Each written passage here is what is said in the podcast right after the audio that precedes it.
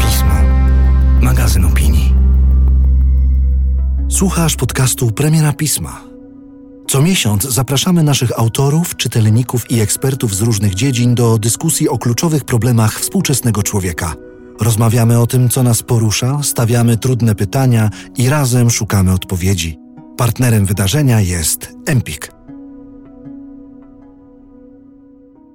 Drodzy Państwo, dzień dobry, dobry wieczór. Zgodnie z obietnicą, punktualnie o 20 kolejne wyjątkowe spotkanie w ramach premier online Empiku. Ja nazywam się Justyna Dżbik-Kluge, jestem dziennikarką i jedną z gospodyń online'owych premier Empiku. Dzisiaj Was witam bardzo gorąco i zachęcam do tego, aby się razem z nami zastanowić, jak będzie wyglądało jutro, bo właśnie o tym specjalny numer pisma magazynu opinii, numer wokół jutra. O nim więcej za chwilę. Przywitam Was jeszcze oczywiście w imieniu całej naszej ekipy, która przygotowuje dla Was to spotkanie i w imieniu naszego niestrudzonego tłumacza języka języka migowego. Jest z nami oczywiście Bernard Kinow. Drodzy Państwo, zachęcam do włączenia się do naszej dyskusji, do komentowania, do pytania w komentarzach pod y, tym wydarzeniem. Pismo Magazyn Opinii to jest bardzo wyjątkowy tytuł. Tworzą go dziennikarze i dziennikarki, którym świat nie jest obojętny, którzy stawiają przeróżne pytania i nie oczekują łatwych odpowiedzi. Chcą rozumieć różne rzeczy, które się dzieją dookoła i chcą również zastanawiać się nad tym, jak będzie wyglądał nasz świat za 10, 15, 20, a może i 200 lat. Stąd potrzeba wydania tego numeru specjalnego a więc numeru Wokół Jutra. Ten numer kręci się mm, wokół różnych tematów oczywiście z tą przyszłością związanych, ale jednym z głównych jest literatura science fiction, są filmy science fiction, jest szeroko rozumiane myślenie futurologiczne w popkulturze i stąd bardzo zacni goście podczas naszej dzisiejszej dyskusji. Bardzo gorąco chcę ich powitać i Państwu przedstawić. Jest z nami pisarka i tłumaczka, polonistka z wykształcenia. W tym roku ukazały się jej komedie kryminalne, Efekt Pandy i Dywan z wkładką, ale wcześniej uwielbiane przez przez młodszych czytelników, ale nie tylko. Książki z serii Małe Licho. Wielokrotnie była nominowana do nagrody imienia Janusza Zajdla. Tę statuetkę otrzymała w roku 2018. Marta Kisiel jest z nami. Dobry wieczór, Marto, witam cię serdecznie. Dobry wieczór.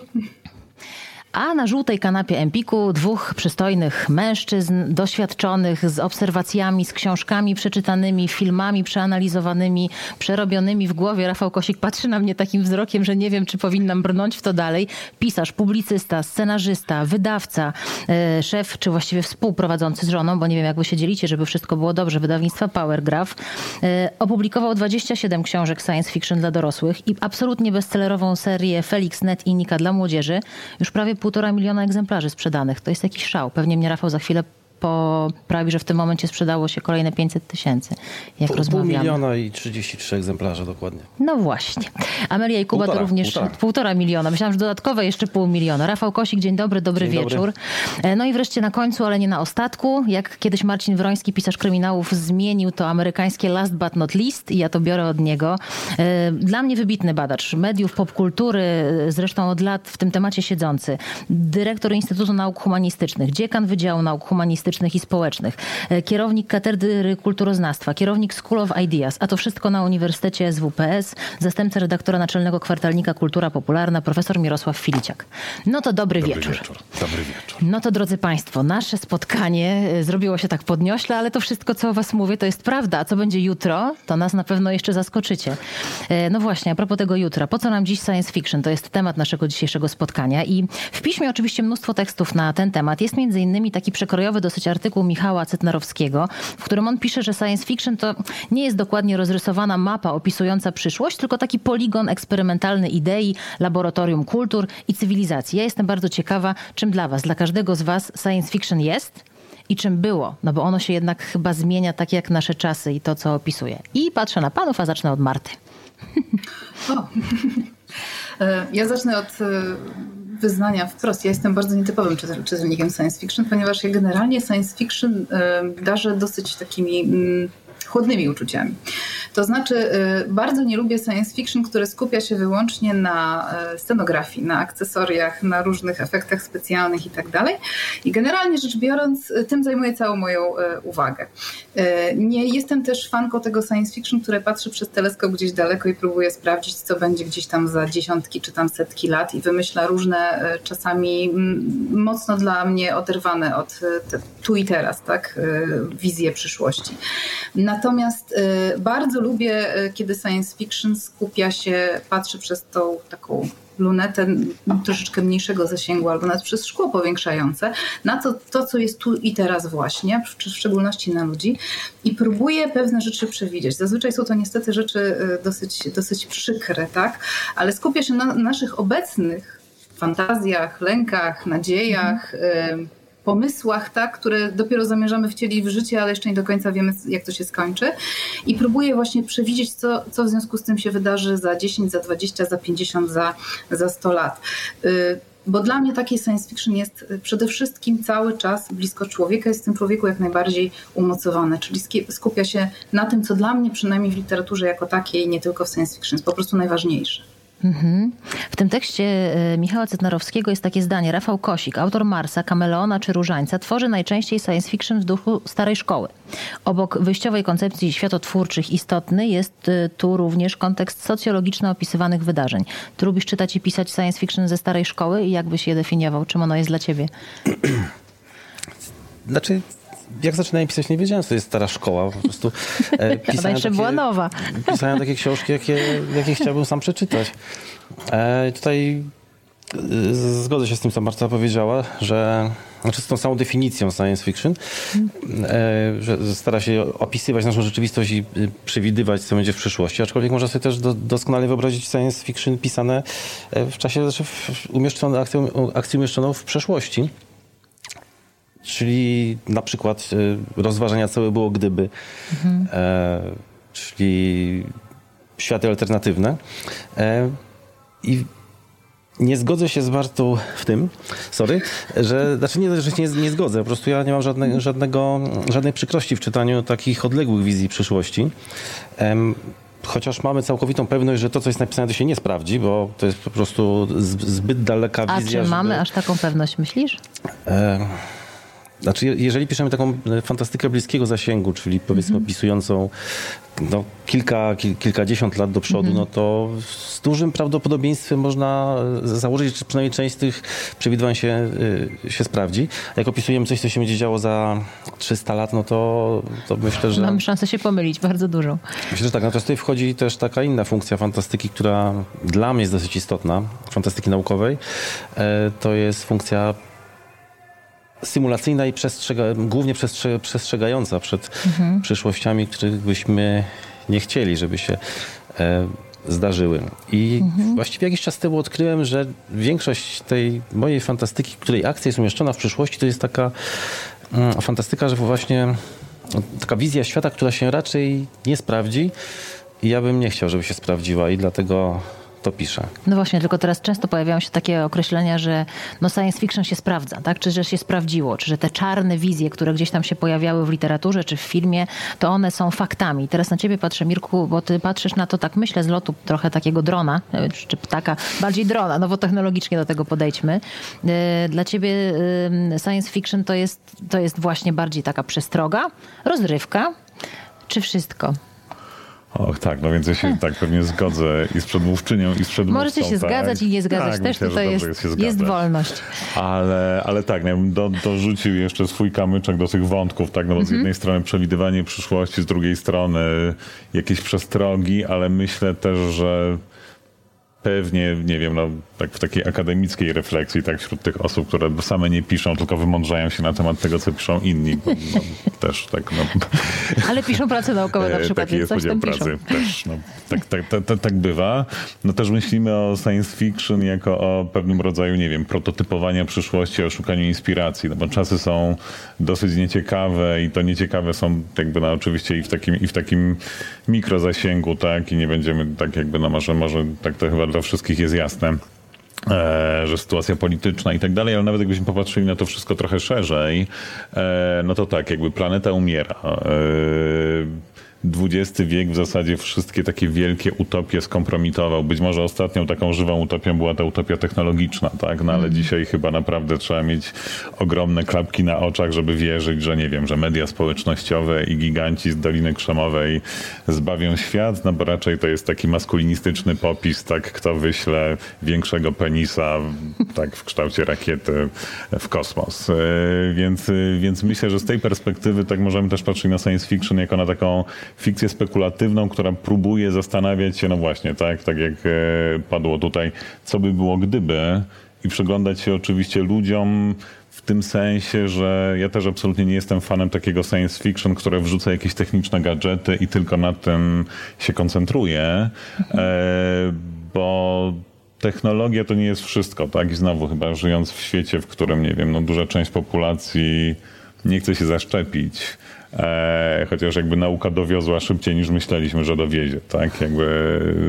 e, częściowe przynajmniej rozwiązanie na tę sytuację. Jasne. No to też widzimy, że trzeba po prostu poszerzać pole wyobraźni i trzeba też tworzyć przekonujące historie. No ja myślę, że science fiction jest bardzo właśnie o tym poszerzaniu pola wyobraźni i wyjściu poza taki paraliż, że no właśnie, że jest okropnie, fatalnie i będzie tylko gorzej, więc mhm. jakby z jednej strony przestrzegać, ale z drugiej strony zastanawiać się, co by było gdyby i szukać też jakichś no, pozytywnych podpowiedzi, oczywiście nie na takim poziomie eskapistycznym, tak, że okej, okay, pomyślmy sobie, że za 20 lat ktoś stworzy jakieś urządzenie i w ogóle nie będziemy mieli problemu. Lekarstwo na e, śmierć, no będziemy mieć Tylko, tylko no w takim mhm. właśnie, nie wiem, jest taka filozofka Donna Haraway, która mówi, że musimy myśleć o przyszłości, ale też pozostać z problemami, tak? To znaczy nie, nie uciekać od nich, więc jakby nie uciekając od odpowiedzialności, ale zastanawiać się, jak to rozwiązać i też wprowadzać właśnie do takiego pola społecznej dyskusji różne tematy, które są w niej obecne słabo albo wcale.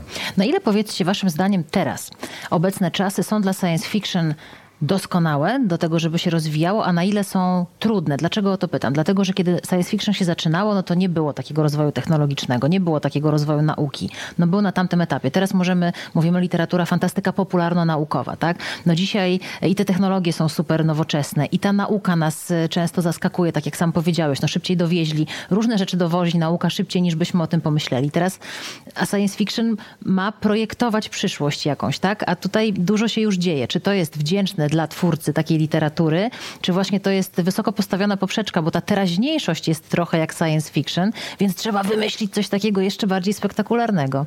Rafał. Science fiction na samym swoim początku, czyli za czasów powiedzmy Werna, e, przybliżało, miało taką funkcję edukacyjną, przybliżało e, ludziom działanie, znaczy sens technologii. E, tudzież przedstawiał jakieś wynalazki nowe, które wkrótce, wkrótce powstaną. Teraz to jest troszkę trudniejsze, no bo jest ta, stan wiedzy jest e, szybko się zmienia po pierwsze, po drugie to jest wiedza bardzo, wys, bardzo wyspecjalizowana, bardzo jest e, dużo specjalistów z różnych dziedzin, mhm. trudno to ogarnąć i tak jak na przykład mm, Wern opisywał e, okręt podwodny, to opisywał to w taki sposób, że myślę, że przeciętny człowiek z, z, bez jakiejś wiedzy specjalistycznej mógł to zrozumieć, a dzisiaj na przykład e, opisanie czym jest, nie wiem, to kamak na przykład, mhm. to, dla, to w zasadzie nawet nie ma sensu, bo to trzeba by całą książkę to poświęcić, a i tak by ktoś nie zrozumiał. Myślę, że to jest też przyczyna, dla której, dla której fantastyka obecna e, staje się bardzo, bardziej taką fantastyką socjologiczną i bada mhm. e, interakcję między człowiekiem a, a technologią. Mhm i, i nawet nie wchodzi specjalnie w, w technikalia.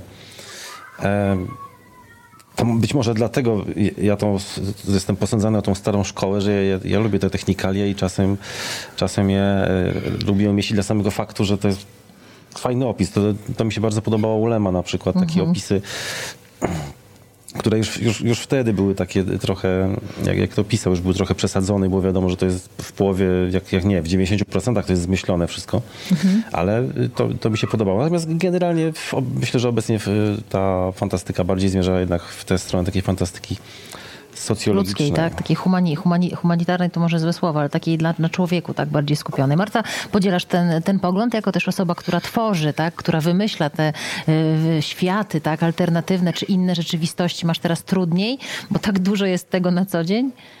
Oj nie, to znaczy... Mm, ja jako twórca nie, zdecydowanie nie mam trudniej, ponieważ mm, owszem, fantastyka naukowa zawsze miała dosyć wysoki próg wejścia, tak? Dla czytelnika, ale też dla twórcy. To znaczy trudno pisać e, pewne rzeczy, które wymagają jakiejś takiej wiedzy, kiedy się tej wiedzy nie posiada, tak? Ale tak jak Rafał zauważył, rzeczywiście od pewnego czasu mamy do czynienia z tak szybkim postępem technologicznym, że pewne rzeczy się dezaktualizują w ciągu kilku lat, tak na dobrą sprawę, albo już są gdzieś tam daleko, daleko gdzieś do przodu zdążyły wystrzelić, tak? Ta wiedza się staje coraz nie tylko obszerniejsza, też coraz bardziej szczegółowa i wymaga naprawdę ogromu wiedzy. Yy, ogromu takiego w ogóle zorientowania w wielu różnych dziedzinach nauki, żeby mieć jakiś chociażby pod podstawy, tak? I to dla wielu twórców, mhm. dla wielu, wielu czytelników nie, nie do przeskoczenia. Czy, czytają o koncepcjach, które są im całkowicie obce, y, które w zasadzie dla nich brzmią nie, nawet nie tyle jako literatura, tak? Jako beletrystyka, tylko jako literatura popularno-naukowa, tak? W takiej, w takiej formie prawdopodobnie były, byłaby dla nich troszeczkę y, łatwiejsza po prostu, przystępniejsza do, do wciągnięcia, tak? Natomiast z drugiej strony to, co to, to ta fantastyka naukowa, ale bardziej socjologiczna, ja uważam, że to nie ma lepszych czasów niż są obecnie teraz, tak? To znaczy na świecie dzieje się tak wiele. Lepszych, gorszych. Ja wiem, że to brzmi strasznie. No. To brzmi strasznie, ale prawda jest taka rzeczywiście, tak jak mówimy, mówimy o tym, że y, mamy taki, a nie inny rozwój nauk, w tym nauk medycznych. Ta medycyna do dowozi wspaniałe odkrycia w błyskawicznym czasie, tak? Gigantycznym wysiłkiem setek ludzi na całym świecie, tych najtęższych umysłów, tak? Plus największych pieniędzy na tym świecie a spora grupa społeczeństw, i to nie tylko jednego, ale wielu społeczeństw, odrzuca to, twierdzi, że to jest jakiś wymysł, to jest jakaś czarna magia, kto w to wierzy, czy ktoś to mhm. kiedykolwiek udowodnił, że to działa, tak? To jest coś, co kilkadziesiąt lat temu jeszcze by nam się nie mieściło w głowach, tak? Była ospa we Wrocławiu, wszyscy nadstawiali grzecznie rękę i dawali się szczepić i cieszyli się, że, że się nie rozchorują. Ale mamy mnóstwo takich zjawisk, y, typowo socjologicznych, zahaczających właśnie o politykę, ale też właśnie o globalne ocieplenie, o całe katastrofy klimatyczne, to co robimy z, z Ziemią. To jest świetny temat dla twórcy, tak? Dla twórcy, który się skupi na tym właśnie, w jak, jak w tych zmieniających się bardzo dynamicznych warunkach będzie funkcjonował przeciętny człowiek, tak? Tak zwany przeciętny Kowalski, który jest, nie wiem, ojcem, mężem, bratem i tak dalej, i tak dalej. W jaki sposób to się będzie odbijało na jego życiu, do jakich wyborów to go będzie doprowadzało i dlaczego i tak dalej paradoksalnie dla, takie warunki do życia dla nas są paskudne. Dla, dla pisarza, który chce stworzyć jakąś historię, no to jest wspaniała pożywka, a dla czytelnika coś, co go wciągnie na długie, na długie godziny. Aczkolwiek podejrzewam, że prawdopodobnie po tej ostatniej kropce będzie sobie naprawdę głęboko życzył, żeby to się nie spełniło, prawda? Bo to mogą być mhm. bardzo czarne wizje. Także tutaj mhm. to bym rozgraniczyła. No, no, to, jest, to jest paradoks, ale, ale tak to odbieram. Swoją drogą to, co mówisz, to przypomina mi rozmowę z pewnym ekonomistą, który mówił, że pandemia to jest w ogóle wspaniały temat dla ekonomistów. W ogóle kryzys wspaniale. Tu to się tyle zadziało, cudownie i wszyscy po prostu załamują ręce, jak to będzie dalej. E, a są tacy, którzy mówią, że to jest niezłe tworzywo. No ale właśnie, Mirek, masz takie wrażenie jako badacz, że teraz, no nawet możemy powiedzieć szerzej, popkultura, no przecież e, science fiction jest częścią popkultury, e, że ma trochę inną, czy bardziej, no nie wiem, wyżej postawioną poprzeczkę, czy ma inną funkcję, inną rolę, bo te czasy są tak bogate, zarówno technicznie, jak i społecznie tak naprawdę. Och, no ja w ogóle myślę, że pewnie żyjemy w takich czasach, kiedy trudno, pewnie jedynym takim ogólnym trendem jest brak trendów, tak? Bo żyjemy w świecie, w którym tak, jest próbujemy tyle je łapać, próbujemy, że, no. że każdy może znaleźć coś mm. dla siebie i też, no, oczywiście rynkowo nie zawsze to tak różowo wygląda, ale też oczywiście tak różne twórczynie, różni twórcy mogą znaleźć dla siebie, e, dla siebie przestrzeń, ale ja myślę, że to, co jest z mojej perspektywy ciekawe, no mam wrażenie, że fantastyka naukowa, no właśnie, czy byśmy ją zaczęli, nie wiem, tam oczywiście możemy szukać tam różnych, różnych początków, czy Werna, czy przed Wernem, czy w Stanach Zjednoczonych, ale możemy też sięgać trochę, trochę wcześniej do, mhm. e, do Rosji, jeszcze przedrewolucyjnej, kiedy nauczna fantastika była takim, takim gatunkiem, który był traktowany zdumiewająco poważnie.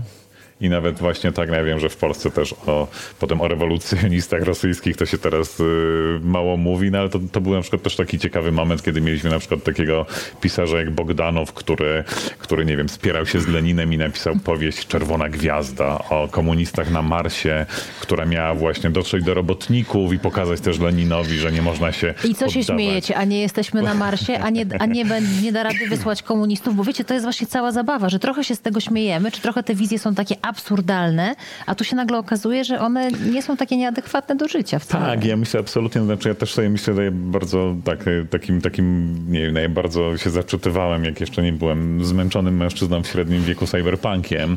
Eee, ja bardzo lubię ten tekst taki Williama Gibsona o tym, że, że przyszłość już tutaj jest, tylko jest nierówno rozdystrybuowana. Ja sam się łapię na tym, że jak byłem, nie wiem, na studiach, to zaczytywałem się w cyberpunku właśnie z wypiekami, bo tam te technologie, cyberprzestrzeń, -hmm. To było takie ekscytujące. To ciało, to mięso, co jakby dzisiaj wiemy, że jest totalną bzdurą.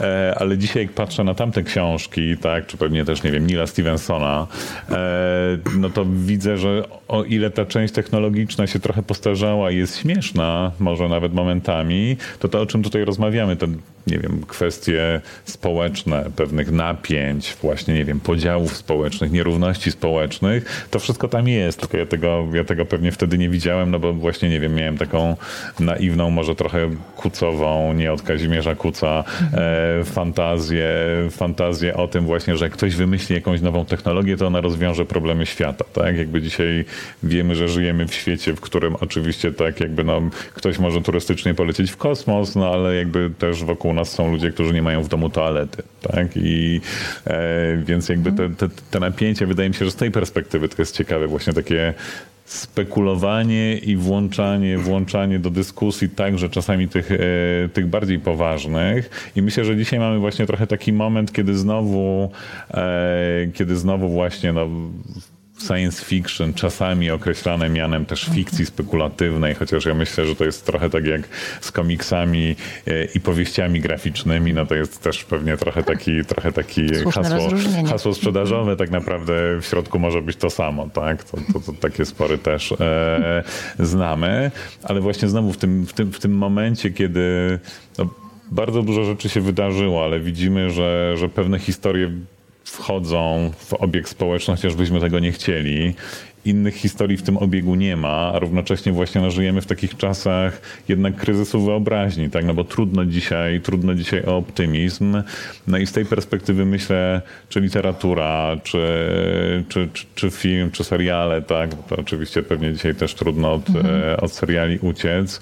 E, taką rolę mogą pełnić i właśnie stawiać to pytanie, co by było gdyby. I oczywiście to jest trudne w tym sensie, że, e, no, że żyjemy trochę w science fiction, tak? I myślę, że 20 lat temu, gdyby nam ktoś powiedział, opowiedział to, co dzieje się dookoła nas, no to tak stwierdzilibyśmy, że tak jakby poniosło. No ja poniosło. pamiętam taki serial z, z dzieciństwa jak Jetsonowie, no taki, taki serial dzieciństwa, tak? I tam wszyscy, i nagle kiedyś ktoś ze znajomych zaczął analizować te sceny i nagle się okazało, że sporo rzeczy, które tam w tych Jetsonach jest, to jakoś nikogo już teraz nie dziwi, tak? I oni są, niektóre są oczywiście wciąż zabawne, tak? Ale nawet, nawet taki przykład. Swoją drogą tak patrzę na ciebie, Rafał, zastanawiam się a propos tego, o czym Mirek powiedział też, no bo to mówimy literatura, filmy, seriale, tak? No kiedyś science fiction to była tylko literatura literatura, tak? czy przede wszystkim literatura, potem więcej film. No teraz serial w ogóle zawłaszcza ten świat popkultury. Na ile dla twórcy science fiction to jest wyzwanie, literatury science fiction? No bo jednak masz taką konkurencję w innych mediach, które ten gatunek uprawiają. Znaczy właściwie to skoro pracuję też nad scenariuszami, to. to się łączy. Płynnie, płynnie mogę, mogę wejść w ten nowy świat, chociaż zdecydowanie wolę jednak literaturę. Mhm. To jest może kwestia nie wiem, przyzwyczajenia czy upodobań. E, ale niedługo wchodzi na, e, na Netflixa serial Edge Runners, do którego e, no, nie pisałem, ale współpisałem scenariusz. Zobaczymy, jak wyszło. Natomiast myślę, że to jest trochę dla. Dla kogo innego jest trochę literatura, dla kogo innego jest trochę serial. Literatura. Ale w ogóle literatura, czyli science fiction, czy fantastyka, znaczy, tak? Generalnie literatura jako, jako medium to jest bardziej dla takich ludzi, którzy lubią tak całkowicie wejść w jakąś historię, wyłączyć się od innych bodźców i zanurzyć się w książce. I sami ją stworzyć w głowie, nie? Tak, tak no, sami sobie tworzymy film w głowie. E, no właśnie, swój książkę. film, nie oglądać tak. film, tak? Tylko... Więc każdy jest, każdy jest niepowtarzalny. E, natomiast serial jest, znaczy film kinowy powiedzmy jest czymś pośrednim. Jak się idzie do kina, to też jest jakieś wydarzenie i też człowiek się musi skupić na dłuższą, na dłuższą chwilę. Natomiast serial jest takim bardziej medium współczesnym, bo nie wymaga takiego zaangażowania. Można, szczególnie na, jak, jak jest na platformach streamingowych, można sobie obejrzeć, tak, kiedy tak. się chce zatrzymać albo zrobić coś w ogóle przy okazji. E, I to to jest bardziej przystająca forma do takiego współczesnego, zagonionego świata, gdzie w zasadzie część ludzi nie może sobie po prostu pozwolić na to, żeby cał, całkowitą uwagę poświęcić jednej rzeczy, albo być może już nawet nie potrafią poświęcić się tylko jednej mhm. rzeczy, bo za mało bodźców. Ciekawe, czy Państwo się z Tobą zgodzą, że to jest jednak inny odbiorca. Tutaj proszę komentować, pytać również.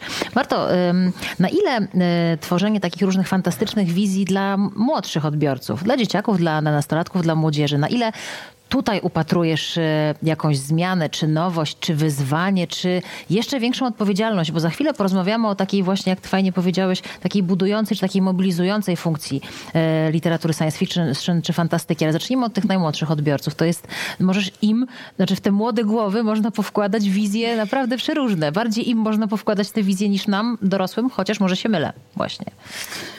E, tak, e, chociażby dlatego, że młodzi odbiorcy jeszcze tych niektórych wizji, które my już znamy i które są dla nas troszeczkę ograne, jeszcze nie znają, tak? Hmm. E, chociażby jeden z podstawowych chyba motywów w wielu filmach science fiction, mianowicie składanie kartki papieru, przebijanie jej ołówkiem, tak? Jako, jako naczelna metafora wykorzystywana w tego rodzaju sytuacjach. Oni jeszcze tego nie znają, oni jeszcze nie wiedzą, że to jest ograne i tak dalej, ale nie, nie znają jeszcze wielu pytań, które ta literatura zadaje, więc jak, jak najbardziej.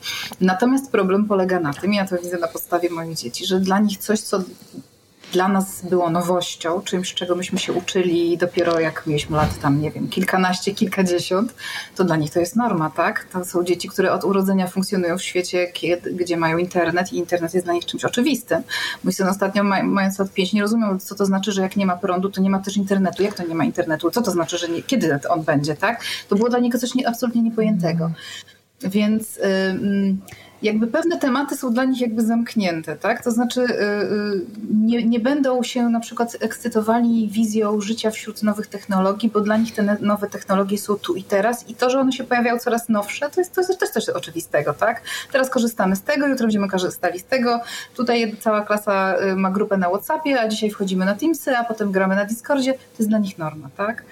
Natomiast myślę, że y, ważnym tematem dla nich, z mojego punktu widzenia osobiście, jako pisarki, jako człowieka, będzie mm, pokazywanie im, jak w tym zalewie wszystkiego, jak tym pędzie do rozwoju, nie zatracić siebie, tak? Jak budować relacje chociażby, wykorzystując oczywiście te, te technologie, ale jak rozwijać siebie jako, jako człowieka i jak właśnie. Mm, widzieć, w jaki sposób to, co, to, to, czego my doświadczamy dzięki tym technologiom, zmienia nas, zmienia, zmienia świat.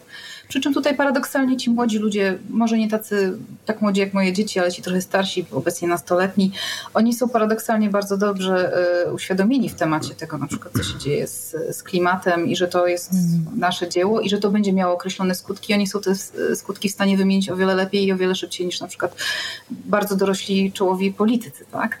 Więc y, myślę, że y, wbrew pozorom to jest łatwe, i niekoniecznie, tak? To znaczy, to jest, to, jest, to jest temat, który może być dla nich jak najbardziej naturalny. Oni nie będą tego odbierali jako jak, jak, mhm.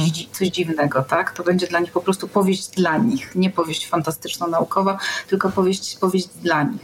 A z drugiej strony może być to, może być to po prostu szalenie, szalenie trudne, bo trudno będzie ich czymkolwiek tam, nie wiem, zaskoczyć czy przestraszyć. Oni już się podejrzewam trochę boją. No właśnie, to jest zupełnie inne i też odbiorca i tak jak mówisz, no to co gdzieś tam kiedyś było takim wow, to jest im tak naturalne, że nawet to nie to, że nie będzie wow, tylko oni nie zauważą w ogóle różnicy, bo to jest oczywiste. Słuchajcie, tutaj no, jest dla taki... Nich, dla nich science fiction jest płyta gramofonowa, tak? Albo to, no, a kaseta. Mieli tabletów, tak, tak, a właśnie od, w drugą stronę może się okazać, że analog będzie jakąś taką y, płaszczyzną do, do, do, science fiction. Chciałam z wami chwilę porozmawiać o odbiorze w ogóle literatury y, fantastycznej czy popularno-naukowej, y, bo tu jest takie zdanie w, też w tekście w Michała Cetnarowskiego jako takie motto, niby Jacka Dukaja, oczywiście z science fiction. Na salonach różnica między pisarzem a pisarzem science fiction odpowiada różnicy między aktorem aktorem i aktorem porno. I na przykład we mnie to zdanie budzi jakiś taki sprzeciw mocny. I zastanawiam się, czy w was też taki sprzeciw budzi Mirek, czy niekoniecznie, bo to jest tak, wydaje mi się, że to już to nie są absolutnie takie czasy, w których się podchodzi do, do literatury e, science fiction tak, no powiedzmy, bardziej po macoszemu. No we mnie budzi też sprzeciw, tak? I to też nie chodzi o to, że mam jakiś problem z aktorami porno, tak? Ale mimo wszystko, e, no wydaje mi się, że jakby no to takie że to jest jednak trochę zgrana płyta. To znaczy, oczywiście pewnie są osoby, które budują sobie takie podziały, tak, ale E, ale myślę, że też jakby no funkcjonujemy w świecie, w którym dzieje się równolegle tyle różnych rzeczy w kulturze i nie wiem, no i że mam wrażenie, że to takie rytualne opowieści o dyskryminowanych gatunkach czy dyskryminowanych mediach. Mhm. E, nie wiem, no, że na przykład, nie wiem, że komiks, że gry komputerowe, że się tego nie traktuje poważnie. Ale był taki czas, że rzeczywiście tak się, może, to już chyba jest takie, takie czasy słusznie minione, mam wrażenie. No może no. był, ale właśnie, no nie wiem, no jakby no, ludzie, którzy, którzy, nie wiem, no spędzali swoje dzieciństwo z grami albo, albo, albo z komiksami, robili te wszystkie rzekomo niepoważne rzeczy, mają dzisiaj pewnie po lat 40-50 no, mm. i, e, no i patrząc na to z takiej socjologicznej perspektywy, no to oni pewnie też one, chociaż pewnie niestety częściej oni, mhm. e, no nadają ton dyskusjom, zabierają głos w różnych, w różnych, zabierają głos w różnych mediach, więc ja myślę, że, e, że ja, ja bym się nie zgodził z tym, że science fiction jest traktowane tak niepoważnie, chociaż tak jak mówiłem, no pewnie mamy takie okresy falowania, kiedy to są momenty lepsze dla science fiction i gorsze i oczywiście, nie wiem, no pewnie to nie, nie, nie jesteśmy w takim momencie, jak nie wiem, jak za czasów Lema, tak, że Lem, Lem, Lem, ale też myślę, że z, z całym szacunkiem dla Lema, e, no jego dziedzictwo też pewnie w polskiej fantastyce, no taki, taki, taki jednak też paraliżujący efekt częściowo, tak -hmm. częściowo e, warło, bo ja mam wrażenie, że byłem na dwucyfrowej liczbie debat, podczas których ktoś powiedział, ach, ale już Lem o tym to już Zawsze dobrze, Lem wszystko. Temu. U Lema, wszystko jakby, było u Lema. Jakby koniec no tak, rozmowy, tak. ale, ale tak, jakby właśnie tak. no desperacko czepiając się tego wątku, o którym, wokół którego cały czas krążę, no to ja myślę, że, że potrzebujemy fantastyki i potrzebujemy i, I, teraz to może zabrzmi nawet naiwnie, tak? I, i też właśnie, tak jak, jak, czytałem pismo, tam też takie podejście było skrytykowane e, w jednym z wywiadów i, e, i oberwało się mojemu ulubionemu Nilowi Stevensonowi, który próbuje też, no może utopia to nie jest najlepsze słowo, ale właśnie próbuje jakiś nie tylko straszyć, ale też podpowiadać na przykład, nie wiem, w jakim kierunku moglibyśmy iść jako ludzkość, cokolwiek miałoby to znaczyć. A czemu żeby... to jest naiwne podejście, tak? Że tak... Znaczy, bo, bo, bo, oczywiście no, to też zawsze tak jest, tak, że im jesteśmy starsi, tym wiemy, że różne pomysły pewnie raczej nie wypalą niż wypalą, no, ale myślę, że jesteśmy w takim też, no właśnie, historycznym momencie, że potrzebujemy też trochę utopii i może nie chodzi właśnie o taki naiwny optymizm, ale, ale jakiejś wizji, która miałaby też jakąś siłę mobilizującą i to właśnie no, często też nie chodzi o to, że ktoś wymyśli coś bardzo, bardzo, bardzo niezły, niezwykłego, no bo możemy też właśnie, nie wiem, tej, ten fajny przykład młodych osób, tak, strajku klimatycznego mhm. i możemy sobie powiedzieć, nie wiem, no, że mamy Gretę Thunberg, o której możemy mówić różne rzeczy, tak, i która jest no, bardzo młodą osobą, która nie powiedziała pewnie niczego, co nie zostało powiedziane wcześniej, mhm ale jednak... Ale powiedziała to i to Ale jednak powiedziała inny, no to i została usłyszana i to mhm. wywarło jakiś efekt mobilizujący, więc ja się z takich rzeczy absolutnie nie naśmiewał, więc wydaje mi się, że no tak jakby, że, że nie powinniśmy lekceważyć science fiction, bo go bardzo potrzebujemy. No ja mam właśnie takie wrażenie, nawet specjalnie ten cytat sobie tutaj yy, wykorzystałam, że science fiction może bardzo dużo i możemy nawet, nie wiem, czy nie za dużo oczekujemy, ale to, to za chwilę. Czułeś to, o czym napisał Dukaj, że jakkolwiek, nie wiem, inaczej się traktuje twórców tego gatunku, czy, czy to jest melodia przyszłości, czy nie, czy nawet teraz się trochę zmieniło i od was oczekuje się jakiejś takiej wizji lepszego jutra? E, zależy w jakim, o jakim kraju mówimy. Myślę, że w mhm. Polsce trochę nadal jest to prawdą, bo to jest, to jest stary cytat, ale cały czas jest trochę, trochę prawdziwy, ale on może wynikać po części że z dwóch rzeczy myślę, to, to wynikało. Pierwsze dlatego, z, z tego, że e, spora część e, fantastyki jest nazywana science fiction, a wcale nie jest science fiction. Tak, to też jest te, te rozróżnienia. E, prostu, mm-hmm. Weźmy na przykład film Avengers, czy wszystkie te filmy superbohaterskie, one nie mają nic wspólnego z science fiction, a lądują w tym samym worku. I no, potem trochę trudno się wyróżnić, bo to, to jest już znaczy, mm. Trudno sobie mówić, że ja, ja piszę fantast- science fiction, ale to inne science fiction, takie nie... Nie, nie to z Avengersów. Nie, nie to z Avengersów. E, no to jest pierwsza rzecz, a druga e, to jest e, taka, że fantastyka naukowa ma wysoki próg wejścia, co... Mówiła Marta, tak. tak, tak. I to tak samo ma wysoki próg wejścia dla krytyków, czyli oni zwyczajnie tego... Nie rozumieją. Nie chcę, nie bójmy nie chcę się tego słowa. Tego, no, nie chcę za no... bardzo tego tak, tak podpadać tutaj e, wszystkim krytykom, ale myślę, że tego po prostu nie czytają, bo nie lubią albo... Zresztą umówmy się, y, spora część krytyków e, na przykład w ciągu tygodnia wrzuca kilka recenzji książek. No nie, nie, nie ma szans, żeby przeczytać ze zrozumieniem kilka książek tygodniowo, a w przypadku fantastyki naukowej nie da się tego po łebkach przeczytać, bo, bo się nie sens zrozumie. Wtedy, sens wtedy ucieka. No właśnie. E, no myślę, że to są dwa, dwa powody, dla których ta literatura science fiction jest traktowana troszkę tak. A zatrzymam się przy tym, co powiedziałeś, zależy w jakim kraju. To znaczy, że w Polsce jest tak, a są inne, jakie masz e, doświadczenia czy obserwacje związane z innymi częściami świata, gdzie e, fantastyka jest zupełnie inaczej, na innym mm, poziomie jakby stawiana? No jeżeli na przykład weźmiemy amerykańskie blockbustery, w przypadku mhm. no, o filmach mówię, to nie wiem jak to jest w tym momencie, ale podejrzewam, że nadal jest tak, że 90% tam pierwszej, pierwszej 20, 30 najbardziej kasowych filmów to jest taka lub inna, mniej lub bardziej naukowa fantastyka, mhm. a w Polsce filmów e, fantastycznych SF, szczególnie fantastyki naukowej, no powstaje jeden na kilka lat może. Pewnie, bo nie ma budżetu. E, ale budżet jest, naprawdę jest wymówką, bo jak zobaczymy tak? okay. no film tak, e, Cube no. na przykład sprzed, no. sprzed 15 lat, to on był nakręcony za jakieś śmieszne pieniądze przecież. E, albo um, Pi e, Aronowskiego. To też jest science fiction, tylko bez efektów specjalnych, bez wybuchów, też zrobione za jakieś, jakieś grosze. A można? Bardzo Można. dobre filmy. No jasne. O, zasiewasz ziarenka, bardzo dobrze. Mieszasz w środowisku. Swoją drogą, Marta, dla ciebie brawa za dyplomację. To było przepiękne określenie, że jest wysoki próg wejścia. I dla czytelnika, i dla... To, zostawiamy to jako cytat, słuchajcie, z tej dyskusji. A propos cytatów i tej roli właśnie e, science fiction. Tu jest wywiad Karoliny Lewestam e, z Peterem Wattsem, e, z pisarzem science fiction, biologiem morskim zajmującym się ssakami. I on mówi takie zdanie: To książki science fiction mnie zelektryzowały i popchnęły do działania. Jeśli udało mi się uczynić jakiekolwiek dobro, a uczyniłem go niewiele, to dlatego, że one zapaliły we mnie ogień. I teraz jest moje pytanie do Was, odpowiadające trochę, czy odnoszące się do tytułu tej dyskusji. Po co nam science fiction? Czy Marta science fiction jest po to, żeby zapalić nas ogień? Tak, dla mnie to jest taka czerwona lampka właśnie. Kolor się będzie zgadzał, tak? To znaczy y, w tym wywiadzie padło takie bardzo ładne zdanie, które mi się straszliwie spodobało i, i bardzo dobrze oddaje ludzką naturę. Watts powiedział, że my jesteśmy bardzo dobrzy w, dobrzy w reagowaniu na tygrysa, tak? Czyli na zagrożenie, które się pojawia tu i teraz jest. trzeba zareagować mm -hmm. natychmiast.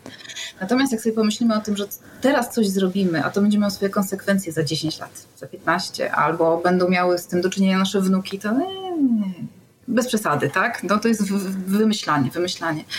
Y, I myślę sobie, że, że właśnie tutaj ta fantastyka to jest fantastyka naukowa raczej nie, nie, nie powiedziałabym, że nie wiem, jakiś sposób konkretny pisania, raczej sposób myślenia, tak? Są po prostu tacy ludzie, których głowy w ten sposób działają, że widzą jakieś zjawisko wokół siebie i zaczynają myśleć, co by było gdyby i zaczynają wymyślać różne scenariusze, które potem przedstawiają w swoich książkach. I o, my w nich możemy znaleźć właśnie czasami y, y, takie właśnie różne zapalane lampki, mniej lub bardziej czerwone, czasami zielone, mówię, ok, to jest dobra droga, idźmy tędy, a czasami nie, nie róbmy tego absolutnie, tak? Dla mnie taką książką, która y, absolutnie już parę ładnych lat temu taką lampkę mi zapaliła, była książka Paolo Bocigolupiego. Paradoksalnie nie pisana dla dorosłego czytelnika, tylko właśnie dla, dla młodzieży. Zatopione miasta, która opisuje taki świat właśnie po tym, co się stało, kiedy, kiedy coś poszło nie tak, tak? Kiedy, kiedy zamiast e, pięknych Stanów, dumnych Stanów Zjednoczonych mamy w zasadzie dżunglę, w niej mamy różne, różne gangi wyposażone w broń, jakieś mutanty, niemutanty, walki i tym podobne. G, g, wszyscy walczą o przeżycie, bo cały świat w zasadzie zalała woda, tak? I trudno teraz cokolwiek ze sobą zrobić. I ileś lat później nagle zaczynam, mam takie wrażenie, prawda, że Beci Galupi chyba wiedział, co pisze i że to się za jakiś czas spełni, tak? Więc, więc dla mnie ta fantastyka naukowa jest przede wszystkim właśnie taką czerwoną, czerwoną lampką. Aczkolwiek y, nie patrzę na to tak wyłącznie, wyłącznie pesymistycznie, tak? Że mhm. teraz już tylko śmierć, zniszczenie i pożoga, tak? Bo często te, często i filmy, i książki w, znajdują jakąś taką iskierkę nadziei, tak? To znaczy jeszcze ci autorzy, scenarzyści i tak dalej są optymistami i znajdują w człowieku, w jego powiedzmy takiej bardziej pierwotnej naturze jeszcze jakieś takie skłonności atawistyczne do, do ratowania tego, co najważniejsze i do jakby tak, tak, taką nadzieję, że na podstawie tego, na tym fundamencie da się zbudować coś od nowa, co będzie czymś lepszym, tak? Ja może jestem troszeczkę naiwna, ale wierzę, że jak już nas zmiecie troszeczkę z tej, tej powierzchni Ziemi i zostaną jakieś tam nędzne resztki tej, tej ludzkości, to ta resztka się opamięta i zacznie robić coś w końcu z głową od nowa wyciągnie jakieś doświadczenia. Tak? Ja liczę, że, że, że się opamięta zanim nas zmiecie. Może by się udało, że się na przykład opamiętamy nie. trochę zanim nas tak doszczętnie zmiecie, nie? Nie, nie. To, to zmiatanie już się dzieje. To nie jest coś, co, się, co się stanie nagle z zaskoczenia. To się już dzieje tu i teraz. To się dzieje już od dłuższego czasu, więc, więc tak, nie, tutaj w tej kwestii nie jestem aż tak optymistką. Mm. Tak, tak. Więc możemy tylko mieć nadzieję, że ci, co przetrwają, będą mądrzejsi od nas po prostu. To mówisz tak, ciekawe, tak fajnie mówisz o tym, że to jest takie zapalanie lampki, tak? Że to jest czerwona lampka, żeby uważać, ale też zielona, że jest jakaś nadzieja, że coś tam będzie w przyszłości. A na ile słuchajcie, to poza tym, że to jest lampka, to jest też jakaś taka mobilizacja, czy nawet stymulacja. Czy można zaryzykować takie założenie, czy życzenie, żeby ta współczesna literatura fantastyczna stymulowała naukę? Wręcz. Czy tutaj znów nie idźmy za daleko, bo jednak wciąż jesteśmy w świecie pewnej, e, no, no gdzieś tam, czy rozrywki, czy to jest, czy to za dużo? A może wprost przeciwnie, Mirek? Ach, no tak, no to jest oczywiście no, trudno kogokolwiek do kogoś zmuszać i a to nie zmuszać, jakby mobilizować, że, stymulować, że, wiesz. Że naszym, naszym, naszym przewodnikiem będzie SF, e, ale jakby tak dystansując się od tego oczywiście byłoby świetnie i ja w ogóle wierzę absolutnie, że, że, że, ludzie jako gatunek po prostu działają na historię, tak? I, e, i te historie są tak naprawdę najważniejsze i to hmm. jakby nie, nie mówię tego tylko jako humanista, kulturoznawca, bo mi to jest na rękę, ale, ale jak, nie wiem, no jak, jak, jak mówiłaś o tym właśnie, nie wiem, no robieniu czegoś, tak jak tutaj padły te słowa też, o robieniu czegoś, co wy, wychodzi poza horyzont naszego, nie wiem, naszego życia, naszego doświadczenia, no to kurczę, nie wiem, no setki lat temu ludzie budowali katedry, tak, i budowali te katedry Piramidy. czasami, czasami przez kilkaset lat, jeszcze, tak. No i jakby teraz nie obrażając niczyich uczuć religijnych, ale to było też dlatego, że była jakaś opowieść, która, która im ten wysiłek usensowniła, tak? I, i, i może też, no oczywiście dzisiaj pewnie jest problem w tym, że, że no właśnie, no to z czego korzystamy, tak? Że mamy taką mnogość e, różnych, e, różnych opowieści pod ręką, tak? I, I no właśnie, tak, pewnie część z nas woli literaturę, część woli gry, a czasami jest tak, że jak mam spokojniejszy weekend, to wolę literaturę, a mhm. serial wolę, jak mam intensywny dzień w pracy -hmm. albo mhm. dzieciaki rozrabiały. E, I oczywiście trudno jest z jakimś takim, nie wiem, no, przebiciem się pojedynczych ważnych historii, ale, ale, ale myślę, że no właśnie, że to myślenie, to zadawanie sobie ciągle pytania, co by było gdyby i pokazywania też, że są, nie wiem, no że możemy, nie wiem, jednak jakoś gimnastykować swoje umysły i zastanawiać się, szukać różnych ścieżek, no to wydaje mi się jest jednak yy, absolutnie ważne, tak? No właśnie na takim poziomie, wiem, że to brzmi naiwnie, ale właśnie na takim poziomie pewnej społecznej mobilizacji, tak? No skoro, mhm. skoro marketing jest nam w stanie sprzedawać historię po to, żebyśmy kupili taką, a nie inną pastę do zębów. Idą święta, skoro teraz politycy kupimy, nam opowiadają różne historie, no to czemu mielibyśmy rezygnować z opowiadania sobie historii tam, gdzie jest to naprawdę ważne i gdzie ta stawka jest naprawdę duża. Wiecie co, ja myślę sobie, że no właśnie ani ty Marta nie brzmisz naiwnie, ani ty Mirek, ani ja sobie nie zadaję, bo ja tak myślałam, Boże, takie naiwne pytania im będę zadawała. Może one nie są naiwne, tylko one są ludzkie, że my tego po prostu, no jakoś, jako ci ludzie się próbujemy trzymać, no i to jest naturalne, ale wiecie o czym pomyślałam, jak tak was słucham, że może fantastykę naukową, czy, czy w ogóle szeroko SF będzie pisała sztuczna inteligencja, AI. Są już takie próby? Ciekawe, czy już AI pisze. To, to tak a propos tego świata, że kiedyś wymyślano różne wizje, że roboty, że nas przeten, a może za chwilę, przecież ona jakby żyje, jest w różnych odsłonach sztuczna inteligencja, tak? Znaczy, może... gorzej, I już tworzy teksty, tak? I już czytała, nie? Gorzej jakby czytała? Tak, jak, jak zabraknie czytelników. E, znaczy, no, sztuczna inteligencja potrafi tworzyć muzykę, potrafi malować obrazy. Z poezją całkiem nieźle jej idzie. Natomiast złożenie takiej skomplikowanej fabuły, pewnie będzie to możliwe, ale jeszcze, jeszcze chyba nie, nie w tym nie w tym momencie. Ja bym dodał jeszcze do poprzedniego, Bardzo proszę. poprzedniego wątku. Ja tylko zrzuciłam taką dygresję. E, a propos tej e, zielonej lampki, że jakiejś tam nadziei, że e, fantastyka naukowa ma bardzo istotną rolę inspirowania rozwoju nauki. Mhm czasem ktoś, kto jest spoza, spoza danego, danej dziedziny nauki, potrafi spojrzeć na temat trochę lepiej niż ludzie, którzy są wykształceni i ukierunkowani w danym kierunku.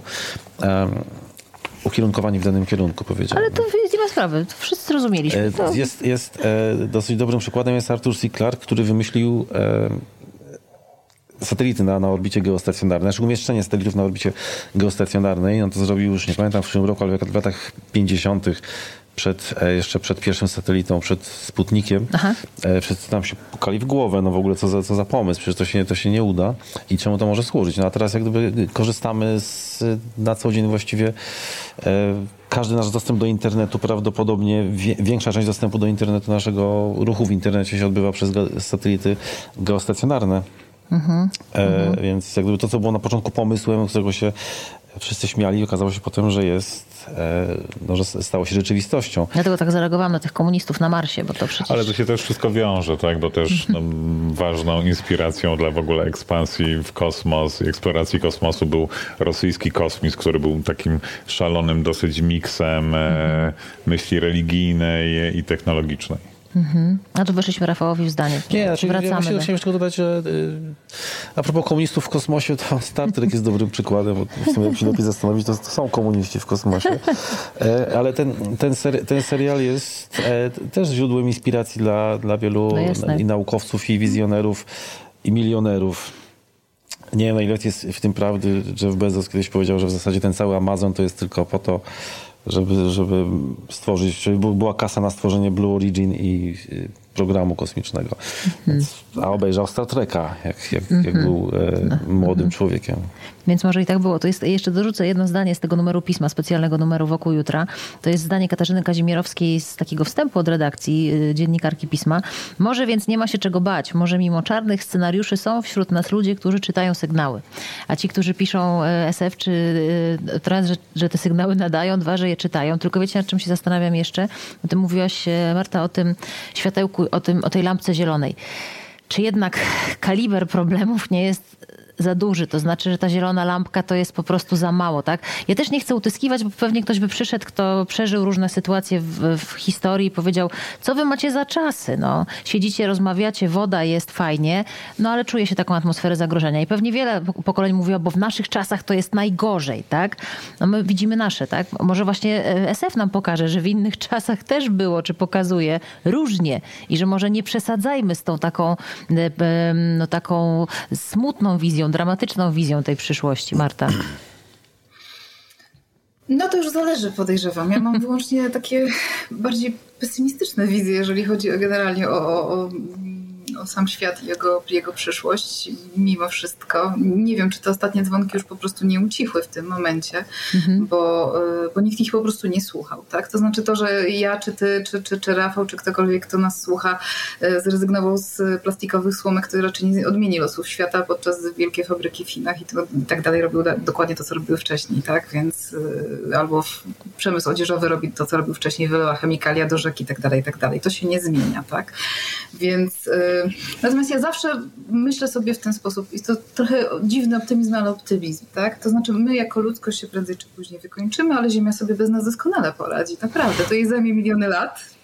To był optymizm? Poczekaj, nowe, to tak, jakiś taki tak, nowa, nowa tak, definicja optymizmu. Optymizm. Znaczy wiesz, to, Wiesz, y, y, oczywiście my siłą rzeczy bardzo lubimy patrzeć na, na świat tak antropocentrycznie, tak? Stawiamy siebie, tak? Czyńcie sobie ziemię poddaną i tak dalej. Stawiamy siebie w centrum i uważamy, że jesteśmy najmądrzejsi, najpiękniejsi.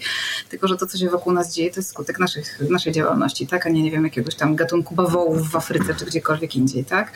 Więc, y, więc myślę sobie, że generalnie rzecz biorąc od dawna sobie na to pracujemy i nie będę wcale tym zdziwiona.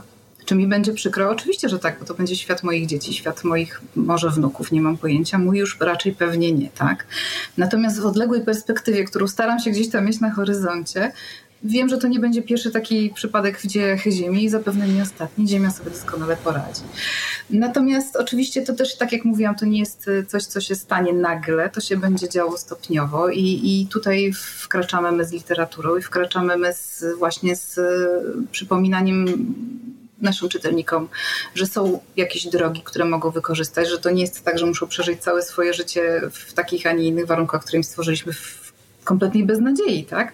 To znaczy, że mogą jeszcze to życie jakoś sobie ułożyć i przeżyć i, i, i to może być życie może nie tak jak nasze, nie tak bogate, pod względem chociażby, jeżeli chodzi o dostęp, nie wiem, do dóbr, tak, ale pod każdym innym może być mhm. nawet e, równie dobre, jeśli nie, jeśli nie lepsze, tak. Więc od tego jest moim zdaniem w tym momencie e, literatura. To jest ta, ta nadzieja, na której może się doskonale skupić. A to jakie w takim razie panowie podpowiada nam rozwiązania albo ukojenia e, fantastyka teraz, ta współczesna? Jakie znajdziemy? Czy znajdujecie, czy w czytanych, czy w pisanych książkach takie, e, no właśnie elementy no, czy nadziei, czy może podpowiedzi, co zrobić, żeby, co by było gdyby, tak, co zrobić, żeby tego gdyby nie było? Mnie przychodzą do głowy tylko pesymistyczne wizje, niestety. Ale optymizm taki, też, też się zgodzę z Martą, w zasadzie mówienie o tym, że zabijamy ziemię, że niszczymy przyrodę jest w zasadzie trochę przesadą. My sobie niszczymy po prostu warunki Do życia dla nas. Swojego. Ale mhm. no, zawsze, zawsze jest tak, że jak się zmieniają warunki, to część, niektóre organizmy mają gorzej, inne mają lepiej. Za to no, z ocieplenia klimatu się, klimatu się bardzo dużo y, organizmów ucieszy. Sinice się ucieszą na przykład. Więc może, może tak, no ja myślę, że to jest dosyć optymistyczne. Tak. Czyli, taki bardzo, czyli tak jakby trochę jednak o człowieku socjologiczne wątki w SF, ale jednak nie antropocentryzm, tylko no są tacy, którzy, no dobra. Mirek, a ty znajdujesz jakieś podpowiedzi w tej współczesnej, nawet szerzej powiem, po No ja kulturze, znajduję, tak? tak? bo ja też szukam tych takich systemowych rozwiązań tak na No właśnie. właśnie. Eee, no więc nie wiem, no na przykład, nie wiem, no takim, takim dobrym case'em pewnie z ostatnich chyba, nie wiem, dwóch, trzech lat, no to Kim Stanley Robinson na przykład napisał taką książkę Ministry for the Future mhm. i to jest książka, no właśnie, o stworzeniu globalnego ministerstwa, które będzie odpowiadać przed naszymi wnukami i koordynacji pewnych działań właśnie z tej perspektywy. No trochę wyrzucając nawet właśnie, nie wiem, no takie z poziomu policy, tak, polityk, mhm. e, rozwiązań systemowych i oczywiście, no jak o tym mówię, tak jakby no, tak to pa państwo na tym znają się lepiej, ale, ale, ale jakby no oczywiście wokół też nudnych systemowych rozwiązań można opowiedzieć ciekawe historie, tak? Ale ja myślę, że no właśnie z jednej strony to jest ta kwestia szukania pewnych rozwiązań, z drugiej strony sygnalizowania pewnych problemów i tutaj pewnie, nie wiem, no ja bardzo szeroko myślę o science fiction, bo teraz mi przychodzi do głowy, niedawno widziałem dokumentację takiego, nawet nie wiem jak powiedzieć, jak to określić, czy to był performance. Jest taki e, francuski artysta Maxime Bertou. Mhm. E, I on sięgnął po taką technikę, jest coś takiego jak zasiewanie chmur. E, to czyli jakby zmuszanie chmur do deszczu, tak? Odsączanie z nich wody. Okay.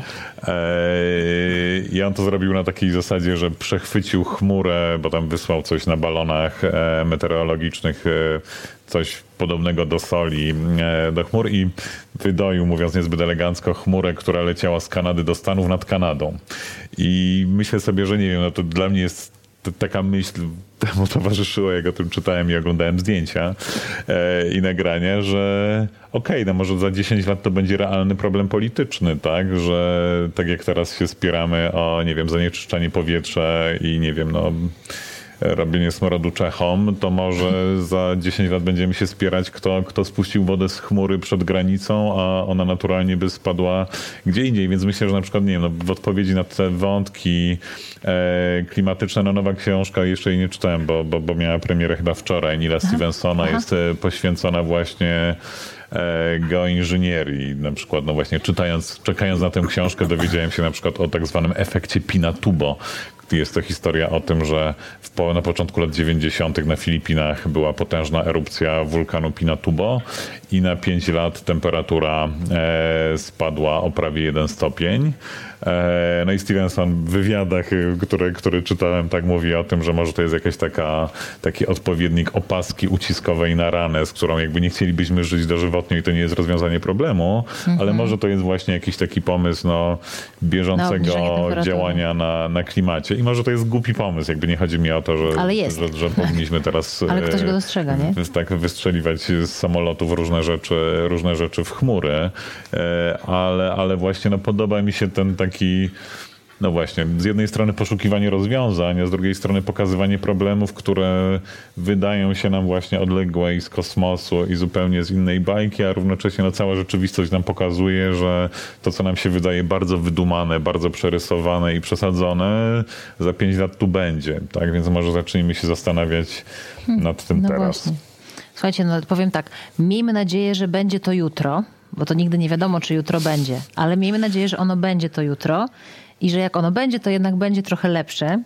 I może właśnie to jest takie, bo tutaj jednak mówiliśmy o takich różnych mrocznych wizjach, ale może to jest jakiś też kierunek literatury fantastycznej czy popularno-naukowej właśnie, żeby chociaż tam zawsze, żeby tam jednak to ziarenko takiego optymizmu, tak? Czy takiego czegoś, czy to będzie antropocentryczny optymizm, czy w ogóle gdzieś tam planetarny, czy międzyplanetarny, bo przecież o tym też y, jest mowa, żeby on był.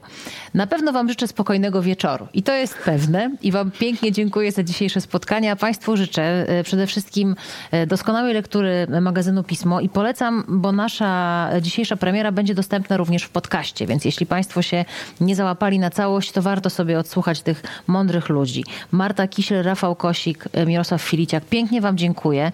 Do zobaczenia. Dziękujemy. Oby Dziękujemy. jutro. I tego się trzymajmy. Dziękuję. Dziękuję.